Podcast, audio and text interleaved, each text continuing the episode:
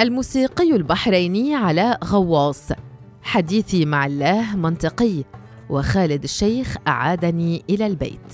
نزيهة سعيد. عودتي إلى اللغة العربية كانت أشبه بميلاد جديد لم يتحقق إلا بعد الموت أو التظاهر به.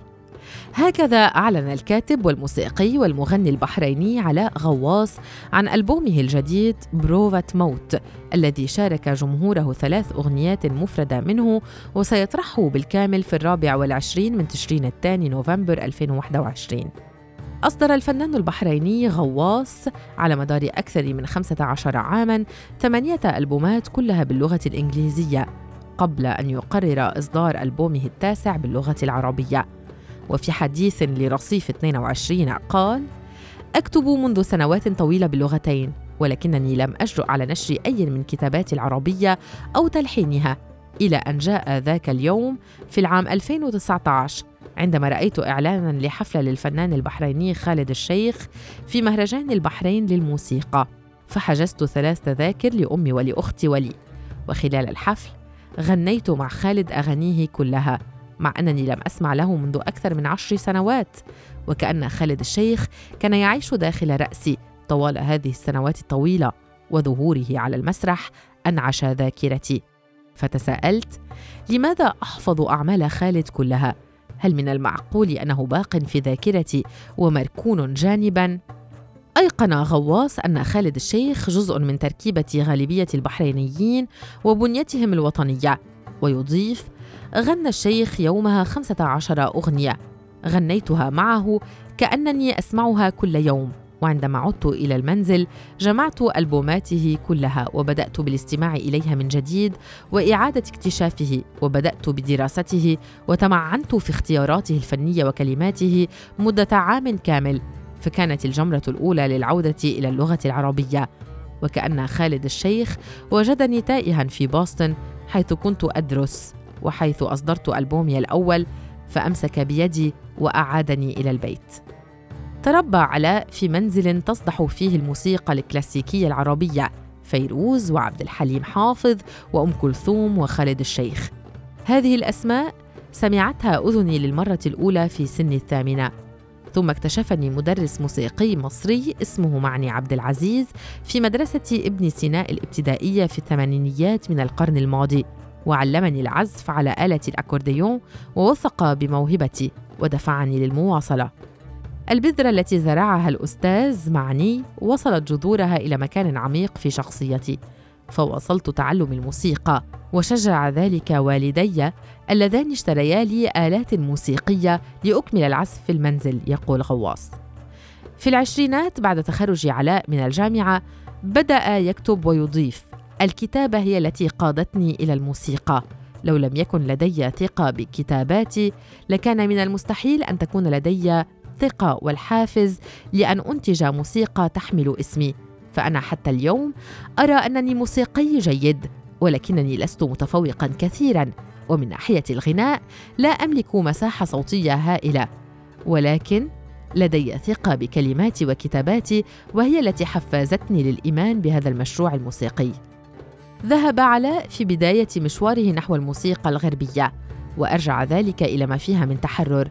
فالأغنية تتحدث عن الكثير من الموضوعات بينما الأغاني العربية محصورة في الشوق والحب وربما بعض الأغاني الوطنية التي تمجد الملوك والرؤساء. فتمردت على هذا كله ووجدت في الأغنية الغربية توثيقا عميقا للتجربة الإنسانية من إسقاطات سياسية واجتماعية ودينية وجنسية أي التبوهات كلها التي نهرب منها ونخاف من الحديث عنها باللغة العربية. لذا هربت إلى الغرب ومع الوقت تطورت لغتي الإنجليزية واخترتها للغناء. لأنها أعطتني المساحة لأن أكون حرا من غير مساءلة من المجتمع واستطعت أن أكون على الدرجه نفسها من الصدق والشفافية مختبرا وراء اللغة الثانية. ومن الموضوعات التي استطاع علاء في تلك الفترة التعبير عنها بلغته الثانية براحة أكثر موضوع التفرقة بين السنة والشيعة وعن هذا يضيف استطعت أن أتطرق إليه في أكثر من أغنية ومن أكثر من زاوية ففكرة الكتابة عن هذا الموضوع كانت مخيفة وأصبحت أكثر صعوبة بعد 2011 بالإضافة إلى موضوع حديثي مع الله الذي أراه منطقيا جدا فيما يراه البعض فكرة ملحدة. أعطتني الإنجليزية حرية ألا أغربل ما أود قوله. وأوضح غواص لرصيف 22 من أين جاءت هذه الثقة بالكتابة قائلا؟ بدأ تعلقي وثقتي بالكتابة منذ الصغر. جدي كاتب وأمي كاتبة فالأمر لم يكن غريبا علي. وكنت أكتب باللغتين إلا أنني عندما كنت أدرس في الولايات المتحدة الأمريكية كنت محظوظا بالتعرف إلى أصدقاء لغتهم الأم هي الإنجليزية. وكانوا على درجة كبيرة من الثقافة. صديقي الدكتور براد جامباوا حاصل على شهادة الدكتوراه في الأدب الإنجليزي خاصة أدب شكسبير من جامعة هارفارد. وقد شاركته كتاباتي لألبوماتي الأولى فآمن بي وشجعني على الكتابة. ومن ثم أصبح المدقق اللغوي لألبوماتي باللغة الإنجليزية كلها. ومن هنا جاءت ثقتي. يعرف غواص بنفسه على أنه موسيقي بحريني وقال دائما أرى أن الموسيقى هي حياتي. الموسيقى تعطيني هوية وأنا من غير الموسيقى لن تكون لدي القدرة على التعريف بنفسي. الموسيقى أعطتني هدفا وهوية. واستطرد. أما بالنسبة إلى اللغة فأنا هنا منذ زمن في صراع مع هويتي.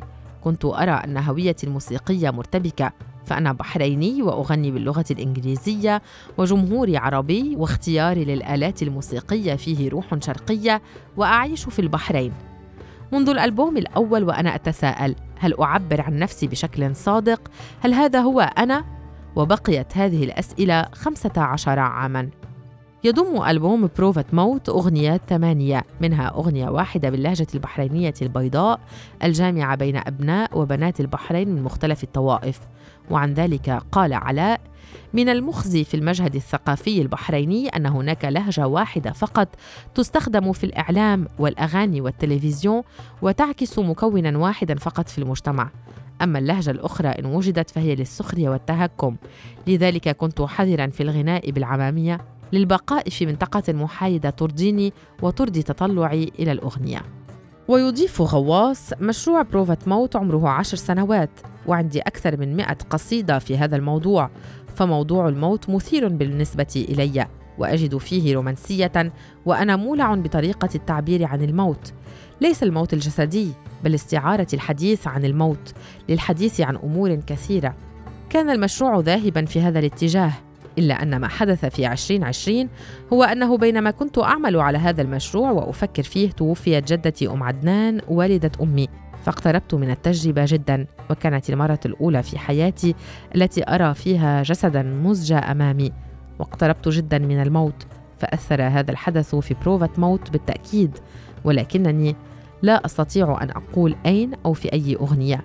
أم عدنان أشعلت الجمرة الصغيرة التي كانت تدفعني للعمل على الألبوم لتجعلها نارا ضارية. ويواصل بعدها بفترة بسيطة فقدت البحرين الشاعر والكاتب والروائي البحريني فريد رمضان وهو شخص مؤثر في الوسط الثقافي البحريني والخليجي وأعده بمثابة أب روحي لي وقريبا من العائلة وله دور كبير في تكويني الثقافي وقد وثقت موته في أغنية آلهة المحرق.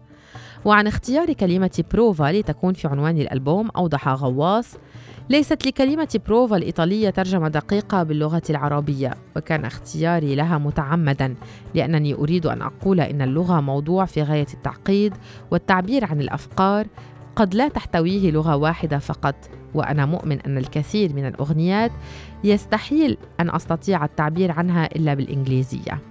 هل العودة إلى اللغة العربية نهائية؟ أجاب الفنان غواص. اليوم أيقنت أنني متمكن من اللغتين فأصبح عندي خياران والفكرة هي التي ستجعلني أختار اللغة ولكنني ضد فكرة ألبوم أو أغاني بلغة مختلطة وأعدها أفكارا تجارية لا تحترم النص.